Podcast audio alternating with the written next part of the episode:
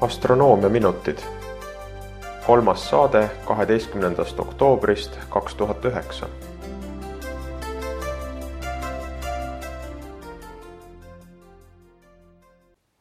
head astronoomiahuvilised, alustame astronoomiaminutite kolmanda saatega. mina olen Taavi Tuvikene ja minu vestluskaaslaseks on Tõnis Eenmäe seekordses saates räägime tähistaevast ja astronoomilistest sündmustest oktoobrikuu teises pooles.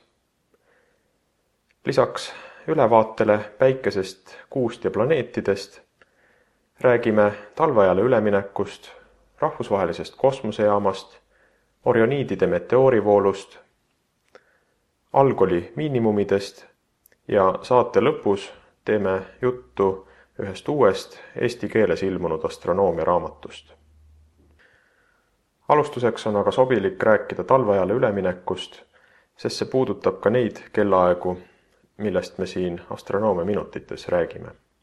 kui märtsi viimasel pühapäeval minnakse Eestis ja kogu Euroopas üle suveajale, siis oktoobri viimasel pühapäeval minnakse tagasi talveajale. see tähendab, et ööl vastu pühapäeva, kahekümne viiendat oktoobrit kell neli keeratakse kella ühe tunni võrra tagasi nii et kui me räägime kellaaegadest kuni kahekümne neljanda oktoobrini, siis me kasutame suveaega ja kui me räägime kellaaegadest pärast kahekümne viiendat oktoobrit, siis me kasutame talveaega. talveajale üleminek tähendab seda, et hommikud lähevad õige veidi valgemaks, aga õhtud lähevad väga kiiresti pimedaks. kui oktoobri keskel tõuseb päike kolmveerand kaheksa ajal siis oktoobri lõpus tänu talveajale tõuseb päike veidi enne poolt kaheksat.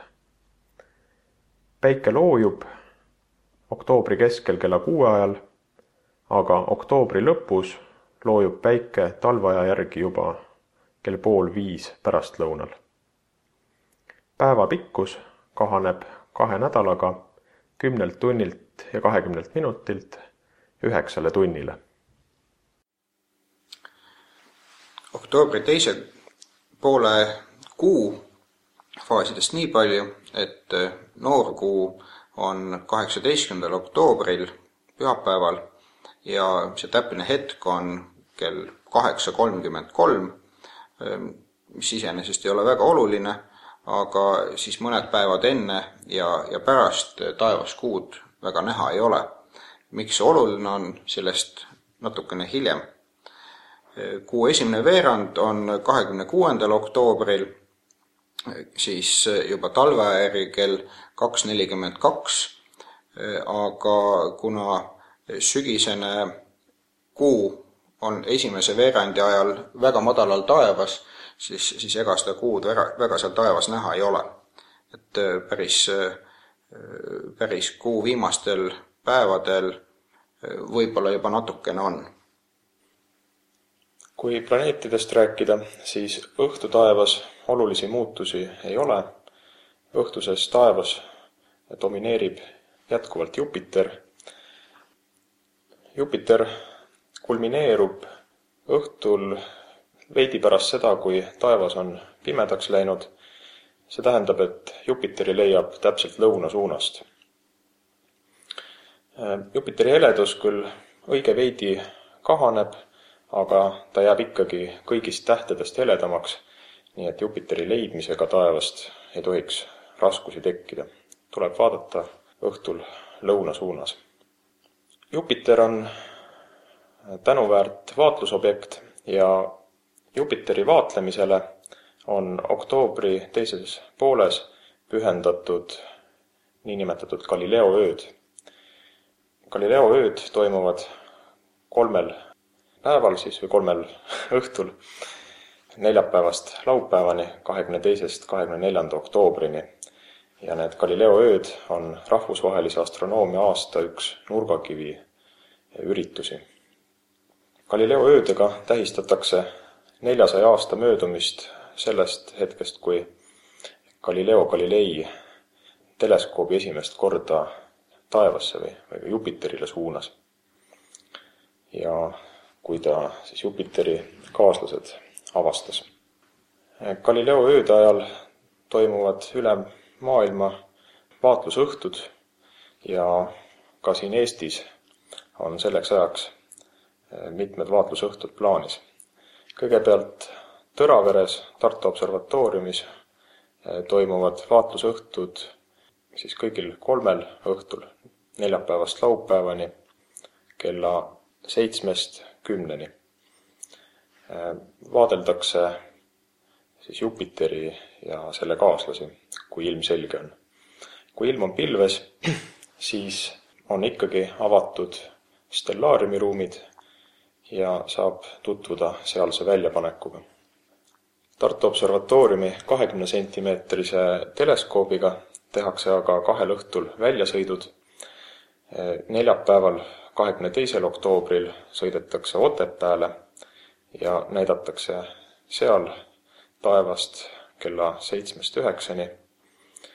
ja reedel, kahekümne kolmandal oktoobril tehakse väljasõit äh, siis Võrtsjärve ligidale Rannusse. toimub vaatlusõhtu Rannu keskkooli juures samamoodi kella seitsmest kella üheksani. Tallinnas äh, korraldab äh, vaatlusõhtuid äh, astronoomiahuviliste ühendus Ridamus ja need toimuvad kõigil kolmel õhtul linnahalli promenaadil ja see välja kuulutatud vaatlusaeg on kella kaheksast kella kümneni õhtul, kuid kui juttu jääb, jätkub kauemaks, siis, siis lubati, et ollakse ka pisut kauem. Tartus ähm, teadaolevalt Galilei ööde ajal vaatlusi, vaatlusõhtut ei toimu, kuid ähm, mõned päevad hiljem, kahekümne seitsmendal ja kahekümne kaheksandal äh, oktoobril äh, on Toomemäel ajaloomuuseumi tornis võimalik siis kaht teleskoobiga tähistaevast vaadelda, juhul kui on selge ja, ja seal on teleskoobid väljas siis nüüd juba talveaja järgi kella kuuest õhtul kella kaheksani õhtul. Järgmisena peaks rääkima ehk planeet Marsist. Marss on nähtav hommikupoole ööd, ta liigub kaksikute tähtkujust vähitähtkujusse. kuu keskel on Marss äh, ikka veel Castori ja Polluksi ligidal ja moodustab sellise eh, nii-öelda siis kolmikute tähtkuju, nagu me eelmises saates sellise, selle konfiguratsiooni ristisime. Marsi vaatlustingimused järjest paranevad, Marss liigub oma vastasseisu suunas, heledus eh, kasvab oktoobri lõpuks null koma viie tähe suuruseni ja ketta läbimõõt jõuab juba kaheksa kaare sekundini. kui Marss tõuseb oktoobri keskel kella üheteistkümne ajal, siis kuu lõpus talveaja järgi on tõusuajaks kell kolmveerand kümme. ja Marss on siis nähtav hommikuni, varahommikul enne päikesetõusu on Marsi kulminatsioon, kui ta jõuab lõunakaarde ja on viiekümne kraadi kõrgusel oktoobri viimasel ähm, õhtul ja novembri äh, siis äh, esimesel õhtul on Marss nähtav ühes täheparves, mida nimetatakse Praseepeks ja kaheksateistkümnenda sajandi Prantsuse komeediakütt Messier nimetas selle oma nimelise kataloogi neljakümne neljandaks objektiks, siis ta on M nelikümmend neli. Seal Presepe täheparves on teleskoobi ja ka binokliga näha päris palju tähti ja nende taustal võiks olla Marsi liikumine teleskoobis juba mõne tunniga märgatav. Presepe täheparv on nähtav ka palja silmaga, meie esivanemad nimetasid seda sõimeks, mitte sõimuks, või ka vanaks sõelaks. kui Taavi Ennist ütles, et Marss kulmineerub väga kõrgel siis tähendab see ka seda, et Marssi on nüüd järjest parem teleskoobiga vaadelda. kuna Marsi ketas muutub suuremaks, siis äh, on seal võimalik äh, juba ka mingisuguseid detaile eristada, eriti kui kasutada suurt suurendust. ja kuna Marss on väga kõrgel horisondist just hommikutundidel, siis hommikuti teleskoobiga võib kasutada ka tõesti nii suuri suurendusi, kui teleskoop lubab ja hea ilma korral on võimalik seda Marsi peal nii mõndagi näha. teistest planeetidest et nii palju veel, mis on hommikul näha, et Veenus on endiselt koidutäht hommikutaevas, tema heledus suurt ei muutu ja ka tema faas suurt ei muutu, Veenus läheneb kiiresti ülemisele ühendusele, ehk siis sellele hetkele, kui ta on teisel pool päikest siit maa pealt vaadates. ja tema siis kaugus päikesest kahaneb tegelikult küllalt kiiresti. Kes veel oktoobri esimeses pooles ei jõudnud hommikul Merkuuri vaadelda, siis viimane võimalus seda teha on oktoobri keskel. mõned päevad pärast seda kaob Merkuur päikesekumasse ja ei ole enam vaadeldav.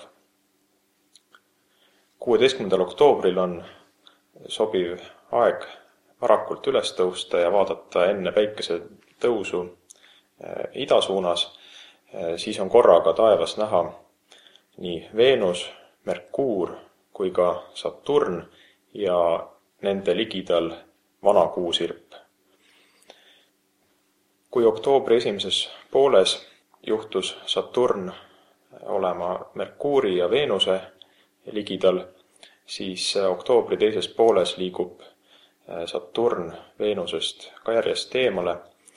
nii et need kolm hommikust planeeti moodustavad siis veidi teistsuguse rea, kõige madalamal on Merkuur siis äh, kõrgemal Veenus ja veel kõrgemal siis Saturn. oktoobri teises pooles ilmub hommikutaevasse ka rahvusvaheline kosmosejaam ISS. selle ülelende saab jälgida siis viieteistkümnendast kahekümne kuuenda oktoobrini äh, enne päikesetõusu, aga need konkreetsed ülelennuajad tuleb järele kontrollida äh, selliselt veebilehelt nagu www.heavensabove.com. ülelendude ajad üritame Eesti lugejani tuua ka twitter.com kaldkriips astronoomia vahendusel ja neid äh, sõnumeid saab siis näha ka astronoomia.ee veebilehel. Augustikuust saadik ei ole taevas olnud mitte ühtegi sellist äh, suuremat meteoorivoolu, siis nüüd oktoobri teises pooles on võimalik jälgida Orioniide. Need on meteoorid, mille radiant asub Orioni tähtkujus ja radiant on siis see koht, kuhu koonduvad kõigi meteoorijälgede pikendused. kui Perseiidide meteoorivoolul, mis augustikuus oli hästi nähtav, oli see meteooride arv tunnis seal kuskil kuuekümne ja saja lendtähe kandis, siis Orioniididel on tunni arvuks vaid kolmkümmend. see tunni arv nüüd ei tähenda seda, et, et üks inimene näeks tunni jooksul kolmekümmet meteoori, vaid see on kolmkümmend meteoori üle terve taeva, ideaalsetes tingimustes seejuures. Nii et ühel inimesel on võimalik tüüpiliselt sellise tunni arvu korral näha, noh tunnis seal võib-olla viis või, või natukene rohkem meteoori.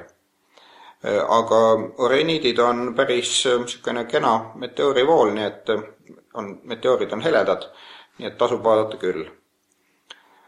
Orioniidide aktiivsus on seitsmeteistkümnendast kahekümne viienda oktoobrini ja voolu maksimum on kahekümne esimesel oktoobril ja nagu suurem osa meteoorivooludest on ka oriniidid kõige paremini vaadeldavad hommikul, nii et enne, enne, mõni tund enne päikesetõusu tasub taevasse vaadata küll. eelmises saates rääkisime pikemalt varjutusmuutlikust tähest nimega Algol. varjutuse ajal langeb selle tähe heledus kahe koma ühelt tähe suuruselt umbes kolme koma nelja tähe suuruseni, nii et see varjutus on palja silmaga küllalt hästi vaadeldav. nüüd oktoobri teises pooles on ka kolm algkooli varjutust, mida saab Eestis öisel ajal vaadelda. Neist esimene on ööl vastu kahekümne teist oktoobrit. varjutuse keskmoment on siis hommikul kell neli viiskümmend neli, aga varjutus algab juba südaöö paiku. see varjutus ei ole eriti mugavalt vaadeldav, küll aga on küllalt hästi vaadeldav järgmine varjutus, mis algab laupäeval, kahekümne neljandal oktoobril õhtul kella üheksa paiku. varjutuse keskmoment ehk siis algoli miinimum on pühapäeva, kahekümne viienda oktoobri esimestel tundidel kell üks nelikümmend kolm suveaja järgi ja varjutus lõpeb eh, hommikul kell pool kuus, aga juba talveaja järgi. vahepeal on tulnud kella keerata. kolmas varjutus on veel kõige paremini jälgitav, see on teisipäeva, kahekümne seitsmenda oktoobri õhtul. Varjutus algab kell kolmveerand kuus. Äh, algoli miinimum on poole üheteistkümne paiku ja varjutus lõpeb kella poole nelja paiku öösel. nagu saate alguses lubatud, pühendame saate lõpuosa ühele uuele eesti keeles ilmunud astronoomia raamatule. nimelt on ilmunud kirjastuselt Koolibri mahukas entsüklopeedia nimega Tähis taevas. selle on tõlkinud Peeter Einasto, Indrek Kolka, Laurits Leederv ja Anti Tamm. selle raamatu näol on tegu eestikeelse astronoomiakirjanduse kindlasti ühe niisuguse väga hea saavutusega. see raamat annab hea ülevaate tänapäevasest astronoomiast, seal on väga palju ilusaid ja hästi valitud pilte. Peale siis päikesesüsteemi, planeetide, tähtede, galaktikate ja universumi ehituse kirjelduse võetakse jutuks ka kosmonautika ning raamatu päris suur väärtus on ka see, et selle tagumises osas on toodud tähtkujude kaardid, kuhu peale on kantud ka süvataeva objektid. Ja mis muud huvitavat nendest tähtkujudes siis näha on. noh, tuleb küll jah mainida, et ega see raamat hirmus odav ei ole, ta on kaheksasada kolmkümmend krooni maksab. Ja aga paksust on tal ka see-eest omajagu on ligi kuussada lehekülge, sellisele tõsisemale astronoomiahuvilisele ja, ja noh, miks mitte tegelikult kõigile huvilistele on see tegelikult päris, päris hästi kulutatud raha. leian ise ka, et see raamat on sobilik lugemismaterjal nii algajale astronoomiahuvilisele kui ka juba edasi jõudnud lugejale ja ka isegi astronoomia tudengitele. tõsi küll, see raamat ei lähe nüüd väga süviti, nii et äh, kogu astronoomiat sellest raamatust kätte ei saa. leidsin, et sellest raamatust on näiteks puudu mind ennast huvitavad pulseeruvad tähed. seal küll räägitakse pikemaperioodilistest pulseeruvatest tähtedest, aga puudu on näiteks äh, Beta Cephei ja Delta Scuti tüüpi tähed ja nende käsitlus. aga sellegipoolest äh, soovitan minagi seda raamatut sellega on meie astronoomiaminutite saade lõppenud. nagu ikka, soovime selget taevast ja jääme kuulmiseni. selget taevast teile, kuulajad!